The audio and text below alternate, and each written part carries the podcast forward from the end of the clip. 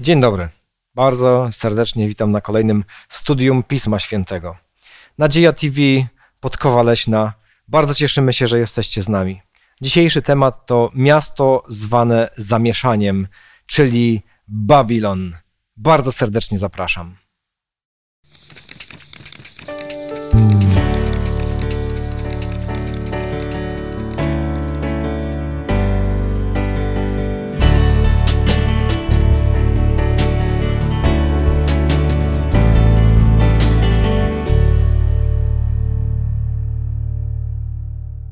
Mam na imię Marek, a ze mną w studio dzisiaj jest Michał, Zuzia i Piotr. No i zaczynamy modlitwą, ponieważ będziemy pochylać się nad Pismem Świętym. Zuziu, poproszę Ciebie. Drogi kochany Boże i Ojcze, z całego serca pragniemy Ci podziękować za ten czas, w którym możemy otwierać Twoje słowo i, i napełniać nasze serce nadzieją na to, co będzie. To nie jest łatwy temat, dlatego prosimy Cię o Twojego Ducha Świętego, o mądrość, o zrozumienie i przede wszystkim bądź tutaj z nami. Amen. Amen. Amen. Myślę, że dzisiaj wielu widzów dołączyło właśnie ze względu na, na to hasło, miasto zwane zamieszaniem, Babilon.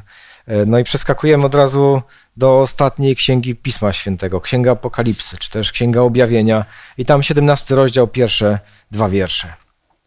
E, Czytam z Biblii Ekumenicznej. I przyszedł jeden z siedmiu aniołów, mających siedem czasz, i powiedział do mnie: Chodź, pokażę ci sąd nad wielką nierządnicą, która siedzi nad wieloma wodami, z którą dopuścili się nierządu królowie ziemi, a mieszkańcy ziemi upili się winem jej nierządu. Biblia to święta księga chrześcijan, pełna niezwykłych historii, cudów, mądrych nauk o przebaczeniu. Wspaniała postać Jezusa, przyjazny Bóg, który przychodzi, żeby przygarnąć człowieka.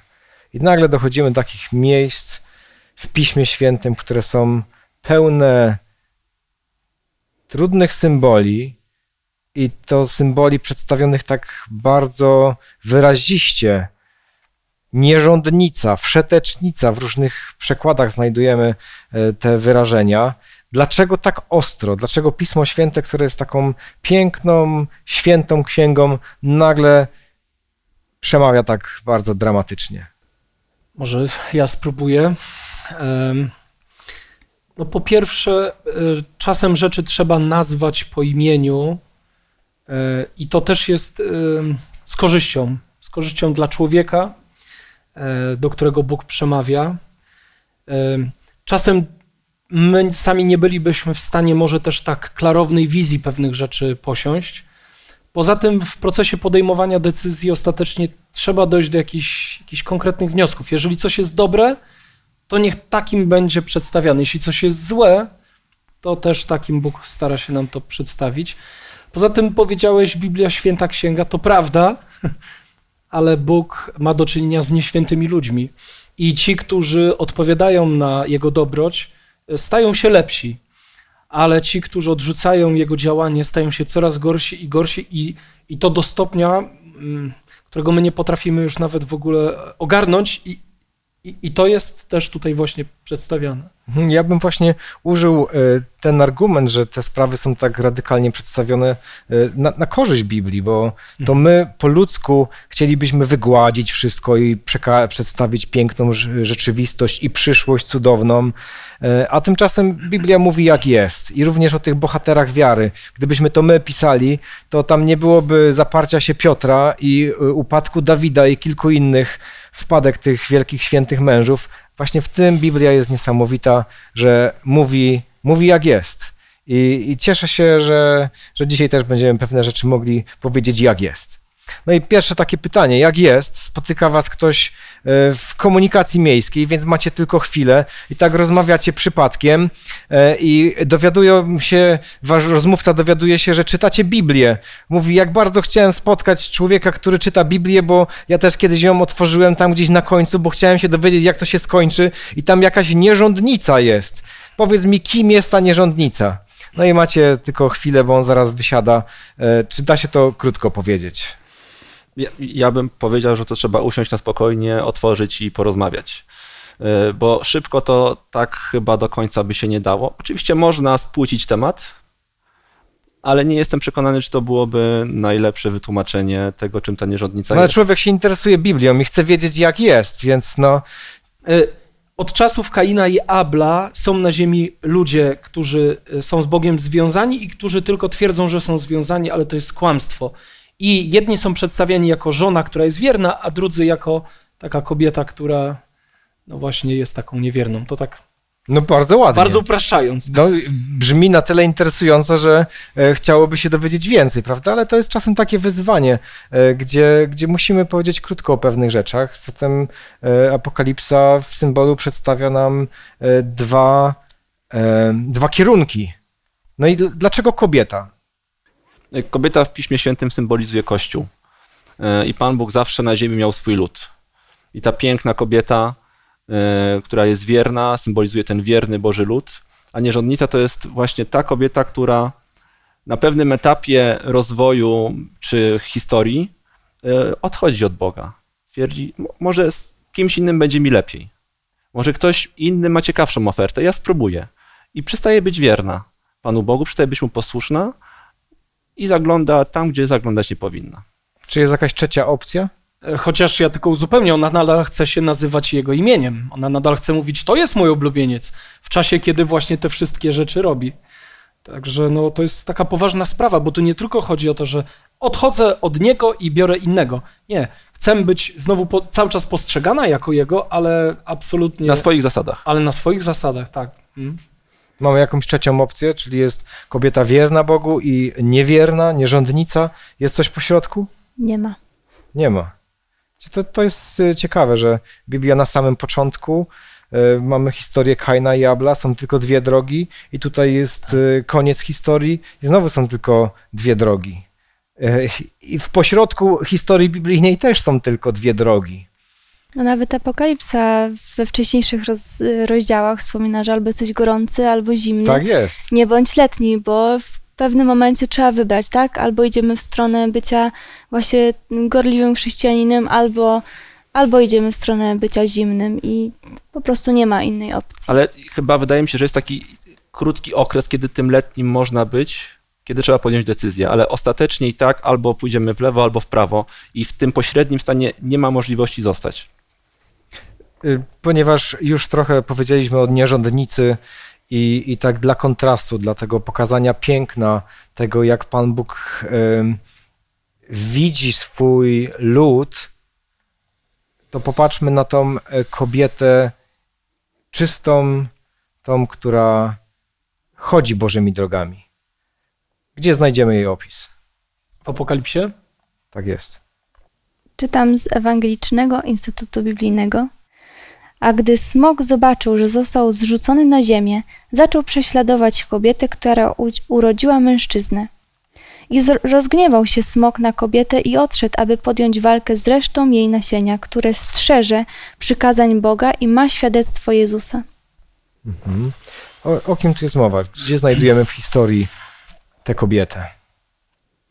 To znaczy, y, jeśli byśmy tak do całego 12 rozdziału się odnieśli, którego częścią są te przeczytane wiersze, y, to ta kobieta na dobrą sprawę symbolizuje ludzi związanych z Bogiem od początku historii y, Ziemi, bo to oni oczekiwali na przyjście y, Mesjasza, Odkupiciela. Natomiast przeczytane tutaj te dwa wiersze wskazują na ten okres, kiedy po w niebowstąpieniu Chrystusa szatan w gniewie świadomy swego bliskiego końca szczególne takie działania podejmuje, żeby tych ukrytych w tym symbolu kobiety, wiernych Bogu, chcących podążać za nim, e, prześladować.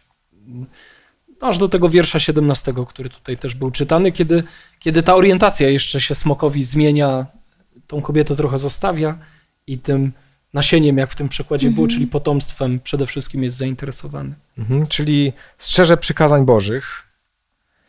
To jest y, lud, który spodziewa się i przychodzi tam do nich y, Mesjasz.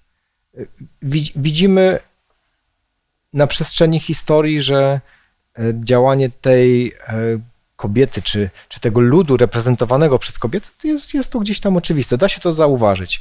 A gdybyśmy mieli spojrzeć na to tak profetycznie, czy dzisiaj gdzieś byśmy wskazali taką kobietę, która jest czysta i ma swoją reprezentację na ziemi?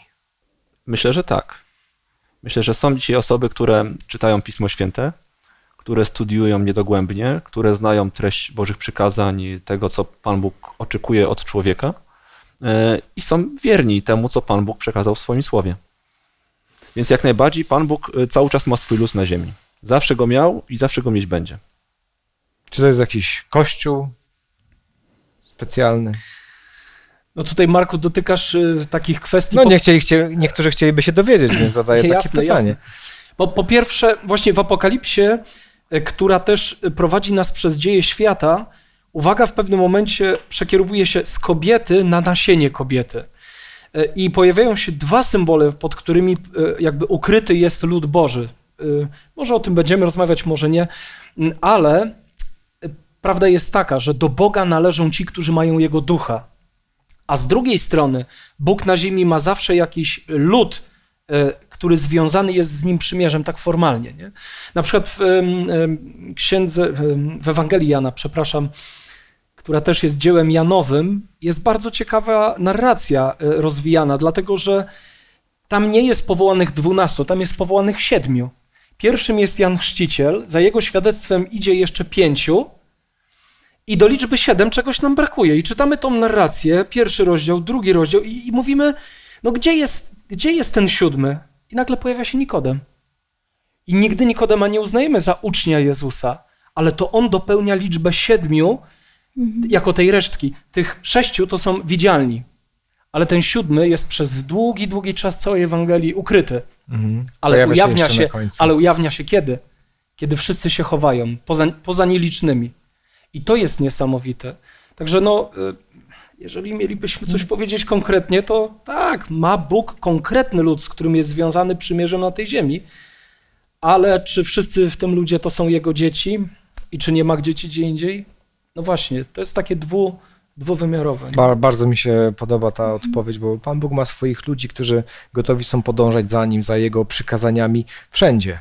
I e, lubię takie wyrażenie, że kiedy jest najciemniej, to wtedy gwiazdy świecą najjaśniej, wtedy, wtedy to widać i tak jak właśnie zbliżamy się do takich momentów w historii świata, e, no właśnie tego konfliktu pomiędzy dwiema kobietami, tą kobietą wierną i tą kobietą niewierną. To, co jest esencją tego naszego dzisiejszego studium, wtedy widać, kto po której stronie staje. Bardziej jest to związane ze stanem serca i naszym sposobem życia, myślenia. Właśnie tutaj jest napisane, że które strzeże czy przykazań ma świadectwo, czyli ma jakieś cechy, a nie konkretnie, że należy na przykład do tego ludu, czy dla, do tego, tak jak niektórzy faryzeusze mówili, my jesteśmy dziećmi Abrahama, no ale co z tego? Co z tego, że identyfikujesz się z jakąś grupą, skoro kompletnie inaczej żyjesz? I właśnie mi się wydaje, że o to w tym wszystkim chodzi, żeby, żeby właśnie jakby sposób życia pokazywał, że należymy do Chrystusa i jesteśmy Jego ludem, Jego dziećmi, a nie tylko z nazwy. Więc jest. jakby przynależność do konkretnego kościoła niekoniecznie świadczy, że jesteśmy, przynależymy do ludu Bożego, bo pytanie, czy faktycznie mm, żyjemy tym, w co wierzymy. Nie? Bardzo Ja dziękuję. bardzo się cieszę, że w Biblii nie ma podanej nazwy kościoła, jak powinien się ten kościół nazywać, który Pan Bóg powołuje. Wszyscy by się tak Bo nazywali. wszyscy nie? by się tak nazywali, jestem przekonany. I potem weź człowieku, y, rozsądź, który to jest ten właściwy kościół, jak wszystkie tak samo się nazywają. Dlatego Pan Bóg daje bardziej głębokie jakby wskazówki. Są pewne cechy i człowieku, zobacz, jakie te cechy kościół mój ma. I wtedy szukaj takiego kościoła, który te cechy jakby uosabia, wyznaje, którymi żyje. Czasem w pozytywie, tak jak kobieta wierna, która strzeże przykazań, która jest prześladowana za wierność Bogu, i również w tym negatywie, właśnie poprzez ko- kobietę nierządną, o której teraz będziemy troszeczkę więcej rozmawiać, jej cechy też będą wskazywały, jak wygląda ta druga grupa, która, tak jak Piotr wcześniej powiedział, też mieni się chodzić za Bogiem, być małżonką oblubieńca. Otwórzmy Księgę Objawienia, 17 rozdział i wiersz 5. E, Może ja przeczytam? Pozwoliłbym sobie może jeszcze na wiersz czwarty. A kobieta była przyodziana w purpurę, w szkarłat, przyozdobiona złotem, drogimi kamieniami, perłami. Miała w ręce swej złoty kielich pełen obrzydliwości, nieczystości i nierządu. A na czole jej wypisane było imię o tajemniczym znaczeniu. Wielki Babilon, matka wszetecznic i obrzydliwości ziemi. Wielki Babilon. W tym momencie, kiedy apostoł Jan pisał księgę Apokalipsy, Babilon nie istniał. Oprócz tych zapisków na kartach Pisma Świętego, tam z Księgi Rodzaju, jeszcze w księgach historycznych Starego Testamentu, gdzie istniał jako imperium e, babilońskie, które napadało na Izrael, ale nie było geograficznie takiego miejsca jak Babilon, był zasypany piaskami aż do XIX wieku. Nawet niektórzy e, twierdzili, że, że to tylko jakaś e, mityczna nazwa i, i nigdy nie istniał, aż dopiero został odkryty na przełomie XIX i XX wieku. To skąd takie odniesienie?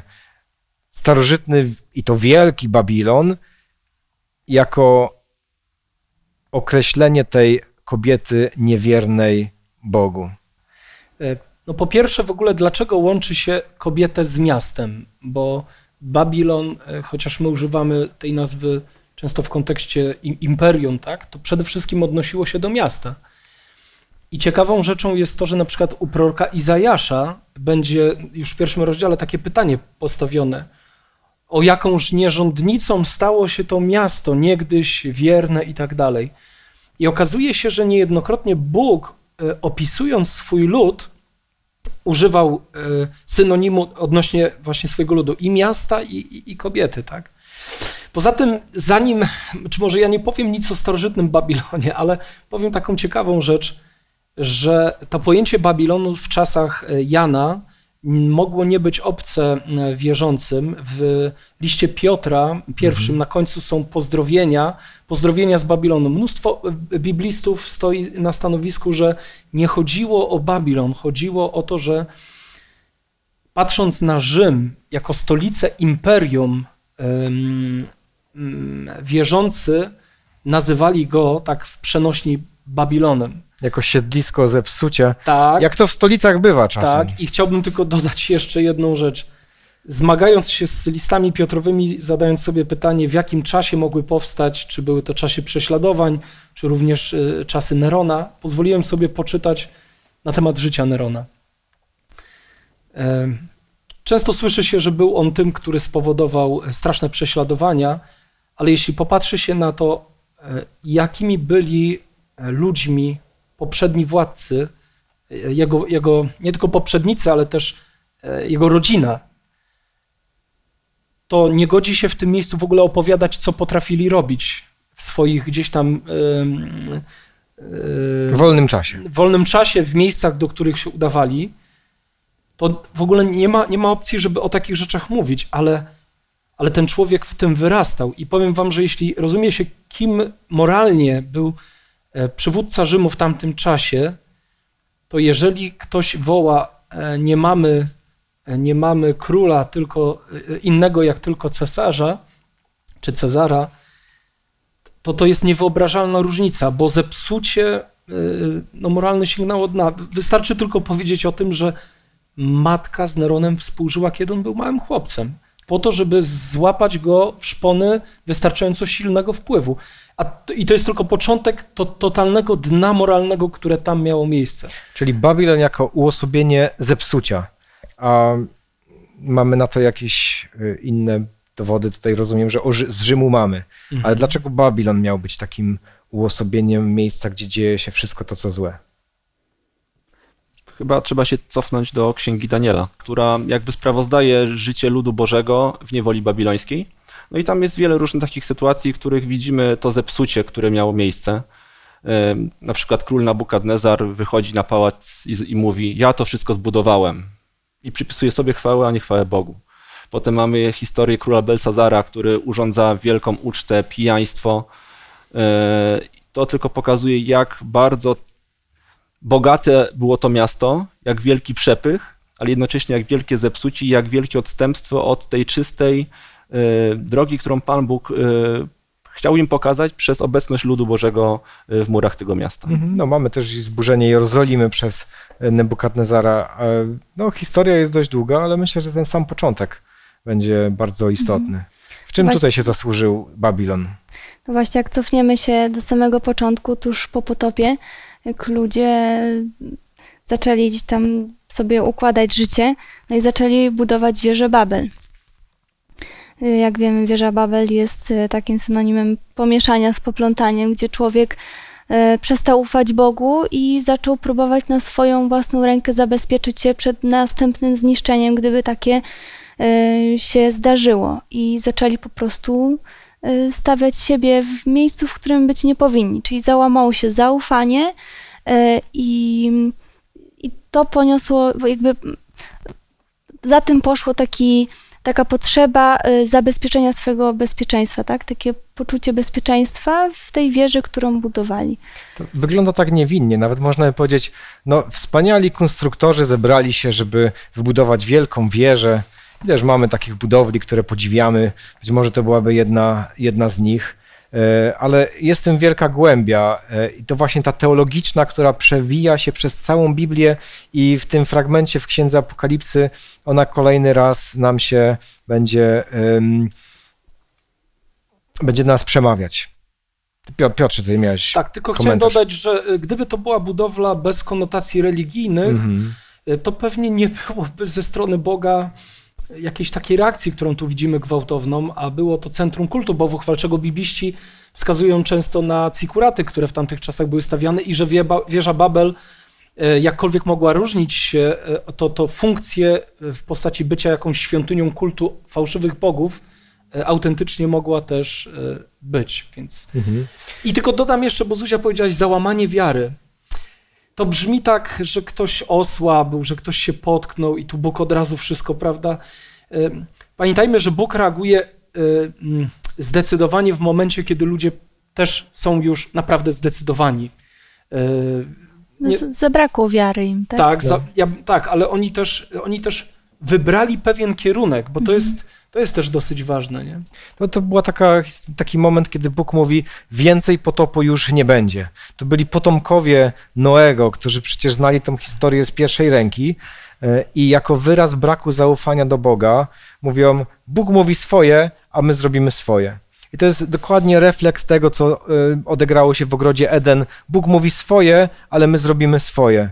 Później mamy Kaina i Abla. Bóg powiedział, e, złożysz baranka na ofiarę, ale marchewka też jest dobra. I za każdym razem to są takie czasem wydawałoby się niewinne momenty, gdzie, gdzie ludzie mówią, o co temu Bogu tutaj chodzi? Ale to właśnie chodzi o takie głębokie zaufanie, że jak Bóg powiedział, to robimy tak, jak On powiedział. I dlatego Babilon stał się takim symbolem odstępstwa, że ludzie robią inaczej niż Bóg powiedział i chcą być niezależni od Niego. Tym bardziej, że mieli sporo dowodów na to, że jeżeli Bóg tak powiedział, to tak się stanie, no bo przecież Bóg powiedział, że przyjdzie potop, coś, czego oni kompletnie nie znali. I tak się stało. I w momencie, kiedy i- jest już po potopie i Pan Bóg daje im obietnicę, że już tego potopu nigdy nie będzie, no to powinni mu zaufać, tak? Biorąc uwagę, pod uwagę właśnie doświadczenie, że powiedział, tak się stało, no to skoro teraz tak mówi, to też się tak powinno stać. No i dlatego my powinniśmy wyciągać z tego jakieś wnioski, dlatego w Aka- w Apokalipsie znowu mamy Babilon. 17 rozdział i wiersz drugi. Poproszę o przeczytanie. Apokalipsa Jana, 17 rozdział, werset drugi. Z którą dopuścili się nierządu królowie ziemi, a mieszkańcy ziemi upili się winem jej nierządu. No i mamy tutaj bardzo dużo symboli. Wiemy, że Księga Apokalipsa jest pełna symboli y, i y, można znaleźć y, wyjaśnienie w innych fragmentach. No ja chciałem zapytać tutaj o ten nierząd, tak na początek. Czy tutaj jesteśmy w stanie to jakoś rozszyfrować? Mamy kobietę, która wiadomo, że nie jest kobietą, tylko jest, uosabia ludzi, którzy są niewierni Bogu i uprawiają nierząd. Co to będzie? Wydaje mi się, że to będzie takie połączenie tego, co mówi Pan Bóg, z ludzką tradycją, z tym, co mówi człowiek.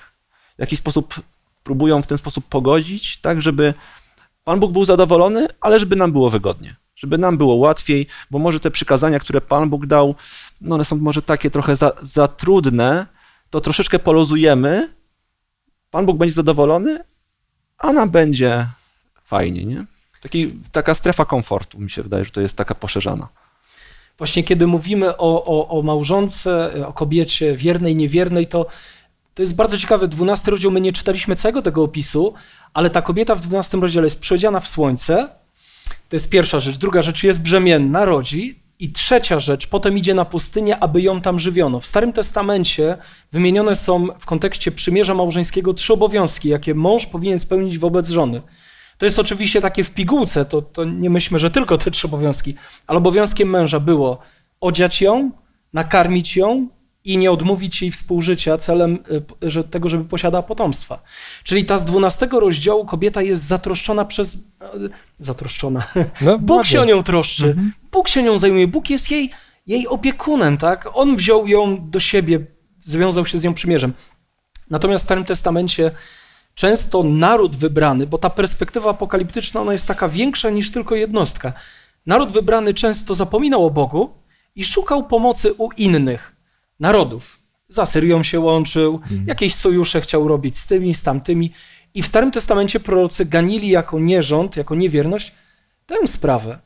Więc gdybyśmy mieli to tutaj jakby e, zopiniować, chyba przychodzi jakiś moment, kiedy system religijny, Boży system religijny zaczyna szukać zamiast wsparcia i zaopatrzenia u Boga, to wśród e, możnych tej ziemi, wśród królów tej ziemi, narodów tej ziemi, tak?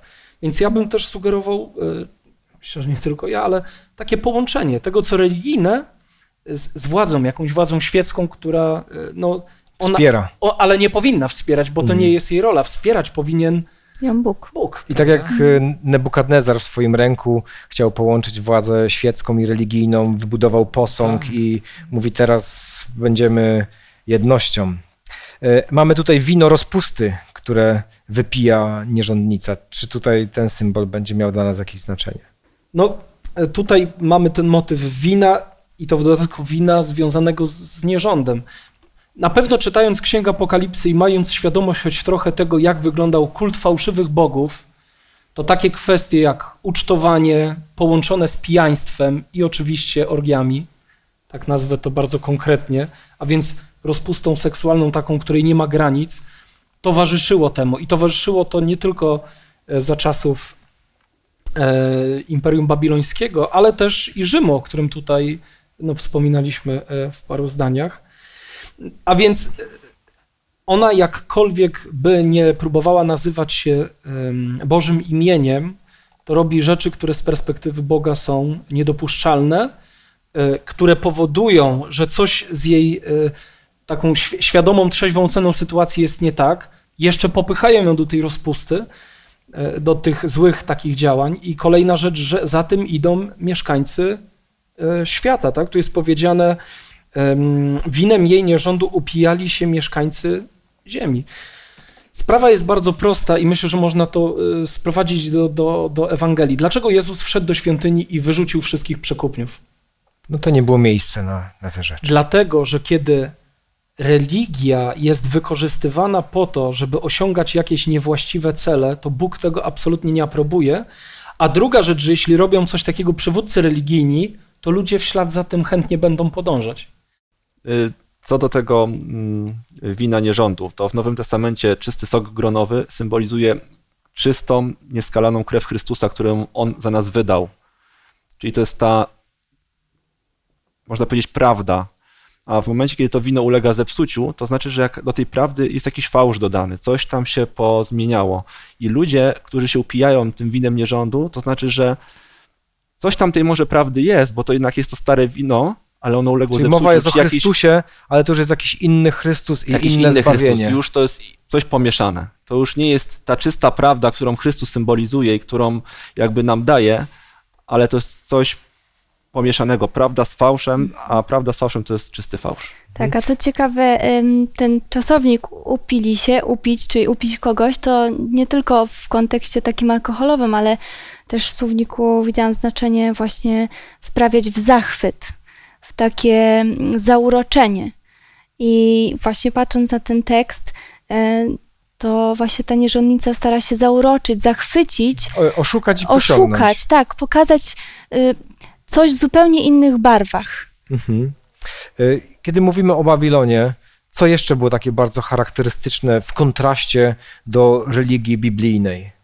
Takie charakterystyczne dla Babilonu było to, widzimy to w, drugiej księ- w drugim rozdziale Księgi Daniela, kiedy Nabukadnezar ma sen o wielkim posągu. No i Daniel opowiada mu ten sen, mówi jak to będzie przebiegało wszystko. Następnie widzimy scenę, w której ten posąg na Dolinie Dura jest stawiany, no i on mówi teraz wszyscy temu macie się pokłonić. Czyli widzimy taki element bałwochwalstwa. Widzimy, że pewne... Drugie przykazanie dekalogu jest Tak, drugie łamane. przykazanie jest łamane i on jakby zmusza do tego wszystkich. W Babilonie w tym czasie było wiele uprowadzonych z domu Izraela ludzi, którzy chcieli być wierni Bogu i on w ten sposób mówi im, wy kłaniacie się temu posągowi, czyli bezpośrednio uderza w drugie przykazanie, gdzie jest jakby zakaz oddawania czci posągom, figurom, rzeźbom i tak dalej. Y, Czyli widzimy, że ten historyczny Babilon atakuje przykazania. Czy patrząc na duchowy Babilon, widzimy, że on też y, jest przeciwko przykazaniom? Oczywiście, no chociażby nawet y, patrząc na czwarte przykazanie dotyczące szabatu. E, też, też stara się wymusić i będzie jeszcze bardziej starał się wymusić, żeby zmienić. Tak jak drugie usunął, tak czwarty będzie zmieniał. a drugie y, może być y, usunięte i, i prowadzić do tego, że znowu pojawiają się w kulcie niewidzialnego Boga, jedynie objawionego w Chrystusie jakieś widzialne rzeźby czy obrazy.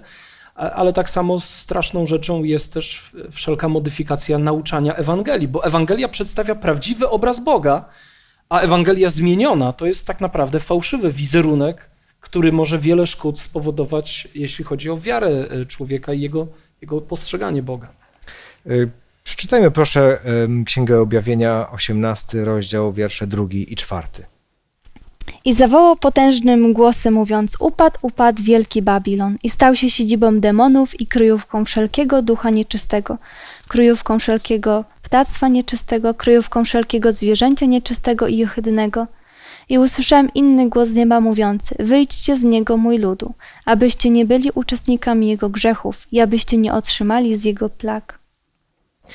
Ja- Jak zrozumieć, oczywiście będzie to duchowy wymiar, ten e, nakaz wyjścia z Babilonu. Myślę, że to chodzi o coś głębszego, coś, co jest na poziomie serca, bo jakby kwestie duchowe zawsze na tej płaszczyźnie się odgrywają. To jest jakaś płaszczyzna naszej decyzji, naszego wyboru, coś, co musimy osobiście e, zdecydować, czy idziemy w tym, czy w innym kierunku. Jak już wcześniej zauważyliśmy, e, Babilon symbolizuje pomieszanie prawdy z fałszem, pomieszanie dobrych elementów z religijności, z religii z tymi złymi, połączeniem tradycji ludzkiej y, z bożymi zasadami.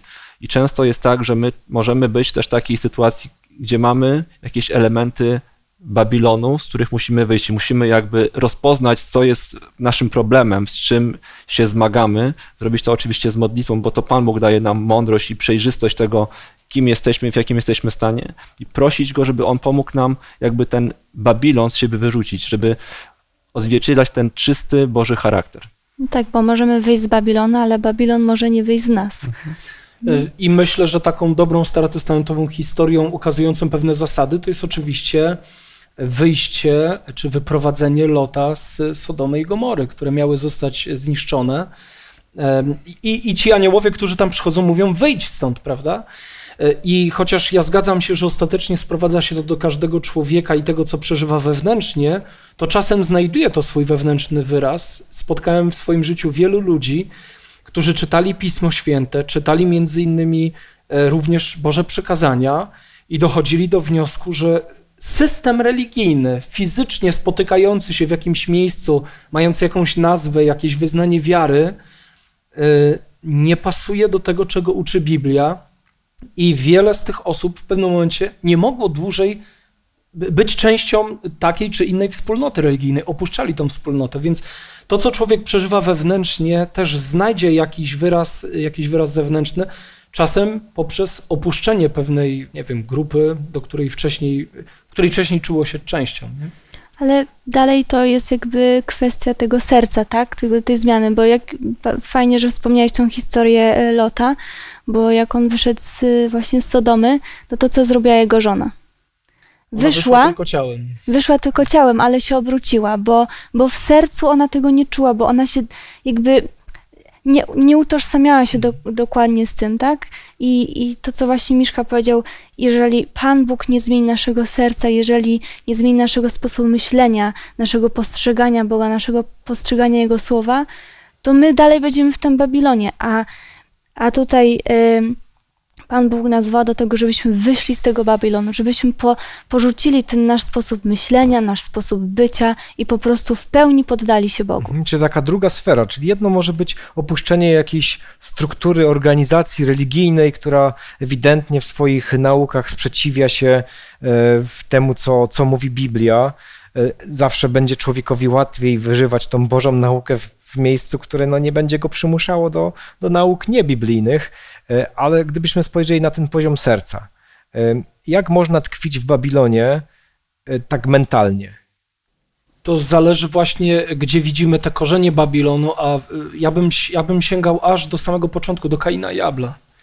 To są te sytuacje, w których ostatecznie odrzuca się zbawienie w Chrystusie i człowiek albo mówi, mogę żyć w grzechu i będę żył wiecznie, to jest jedna opcja, albo druga opcja, przyjmująca pozór religijności ja mogę prowadzić życie, dzięki któremu zyskam sobie zbawienie, tak? E, co tylko nazywa się religią, ale nie jest związane z pomysłem Boga na ratowanie nas, bo w tym pomyśle musi być Jezus jako podstawa i fundament. Jeśli mogę zacytować pewien fragment z książki Patriarchowej Prorocy, myślę, że on jest takim fajnym uzupełnieniem tego, co Piotr powiedział. Tutaj autorka napisała takie słowa. Niemal każda fałszywa religia oparta jest na tej samej zasadzie, że człowiek w sprawach dotyczących zbawienia może polegać na własnych wysiłkach jakie to mogą być wysiłki.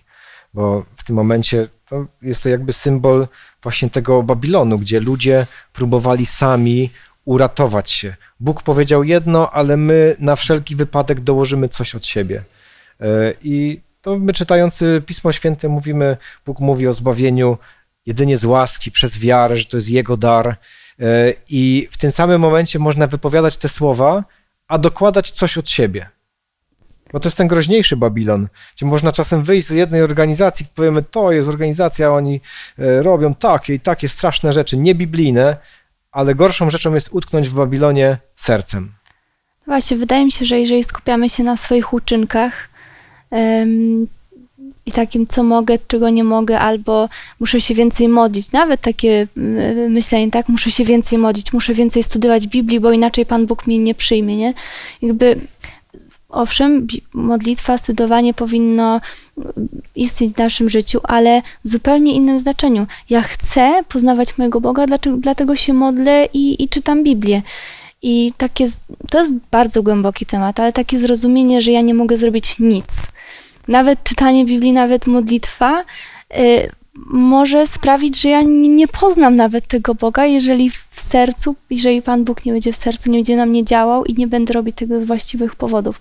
To jest może tak um, radykalnie trochę powiedziane, bo uważamy, że modlitwa i Słowo. Boże to jest, jest wszystko, co, co my powinniśmy robić, nie? Ale jeżeli robimy to z niewłaściwych powodów, to również możemy utracić zbawienie, bo możemy czytać Biblię, ale nie otrzymać tego żywota, który Pan Bóg chce nam dać. Nie? Czasami możemy czytaniem Biblii i modlitwą i opowiadaniem zas zasłużyć sobie na zbawienie, na Bożą Czy przychylność. Próbować, próbować. Czyli to jest bardzo ważna kwestia, w czym my pokładamy nadzieję. Nasza nadzieja mhm. zawsze powinna być skoncentrowana na Chrystusie i Jego dziele. Nawet nie w czym, a w kim. Tak, tak, tak, dokładnie, dokładnie, -hmm. dokładnie. To, to jest zawsze to, to ostateczne rozumienie i, i, fundamentalne i ostateczne, że, że to on.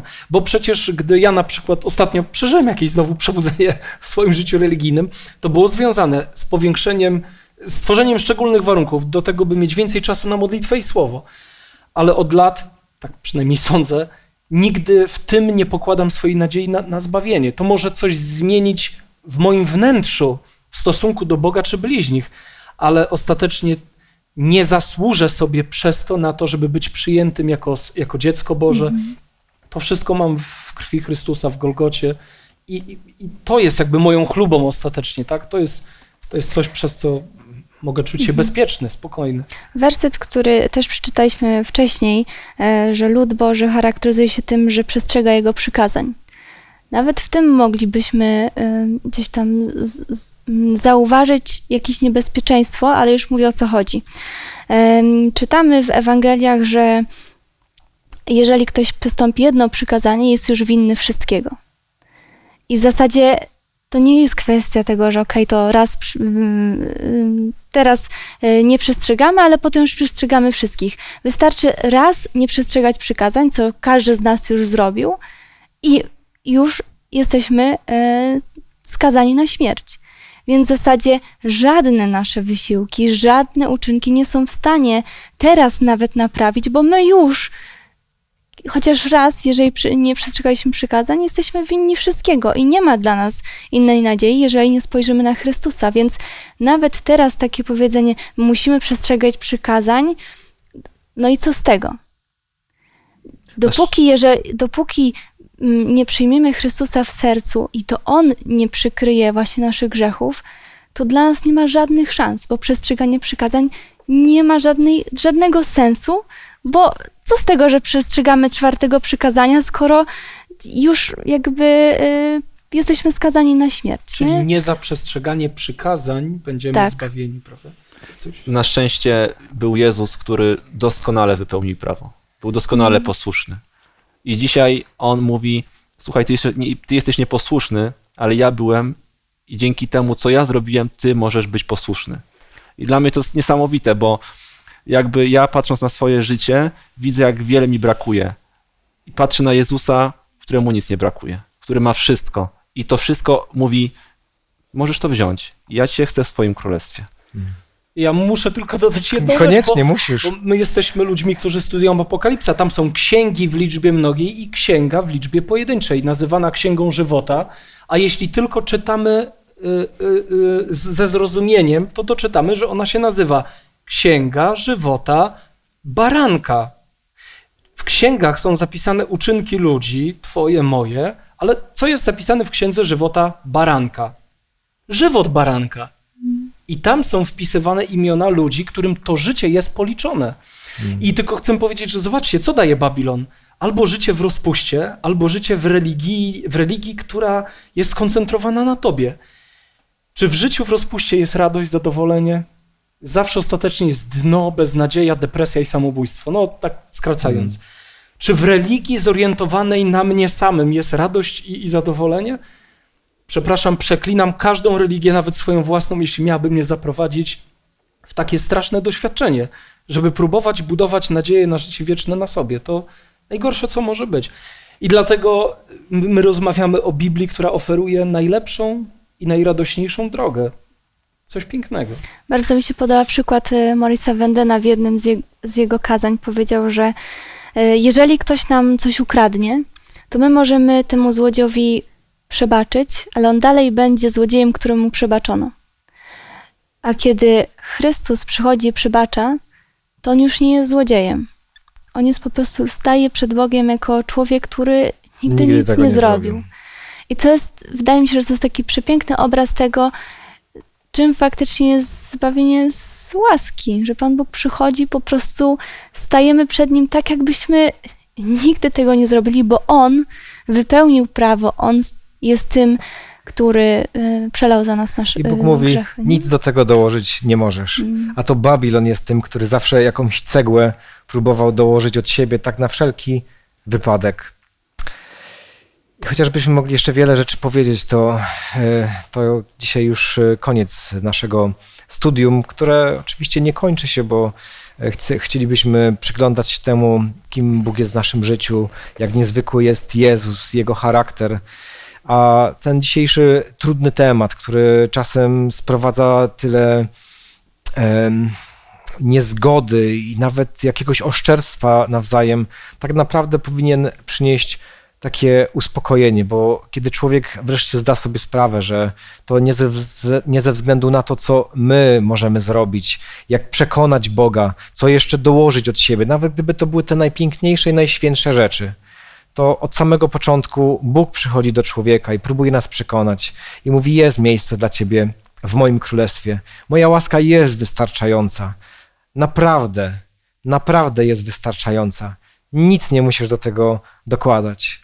I niezwykłe jest to, że kiedy wreszcie człowiek zda sobie sprawę, że to budowanie tej wieży Babel donikąd nie prowadzi, że to zwyczajne zaufanie, tak jak od samego początku mogło być tak pięknie, jeżeli stajemy w tym miejscu i ufamy Jezusowi i Jego zaproszeniu, to to wszystko, co wcześniej było ciężarem, to co wszystko było nam nie po drodze i nie smakowało, nagle zaczyna być sensem naszego życia i naszą radością i rozmowa o nim e, i chodzenie jego drogami staje się naszą przyjemnością i nie mamy rozkoszy być gdzie indziej. Chcemy być z Jezusem.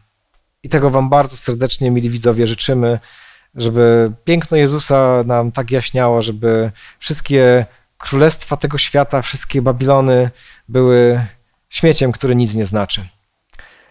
Niech Bóg Wam błogosławi. Zakończymy modlitwą. Michał, poproszę Ciebie. Dziękuję Ci, Panie Jezu, za Twoją ofertę zbawienia, za Twoją nieskończoną miłość do grzesznika i za to, że Ty, kiedy przyjmujesz grzesznika, to już nigdy nie zostawiasz go takim samym. Oczyszczasz go, zmieniasz, dajesz mu swoją szatę sprawiedliwości i chcesz w swoim królestwie przez całą wieczność. Proszę Panie o te wszystkie osoby, które dzisiaj oglądały to, to studium, aby Panie szukały Ciebie, aby zakochały się w Tobie i aby widziały w Tobie swojego najlepszego przyjaciela, z którym naprawdę warto chodzić, z którym warto żyć. Błogosław, proszę Panie, wszystkich ludzi, którzy szczerze Ciebie szukają. W imieniu Pana Jezusa. Amen. Amen. Mili widzowie, bardzo dziękujemy, że byliście z nami. Teraz pozostaje nam już tylko zaprosić Was za tydzień na kolejne studium. Znowu bardzo intrygujący, pełen dynamizmu temat ostatnie szatańskie zwiedzenia. Do zobaczenia.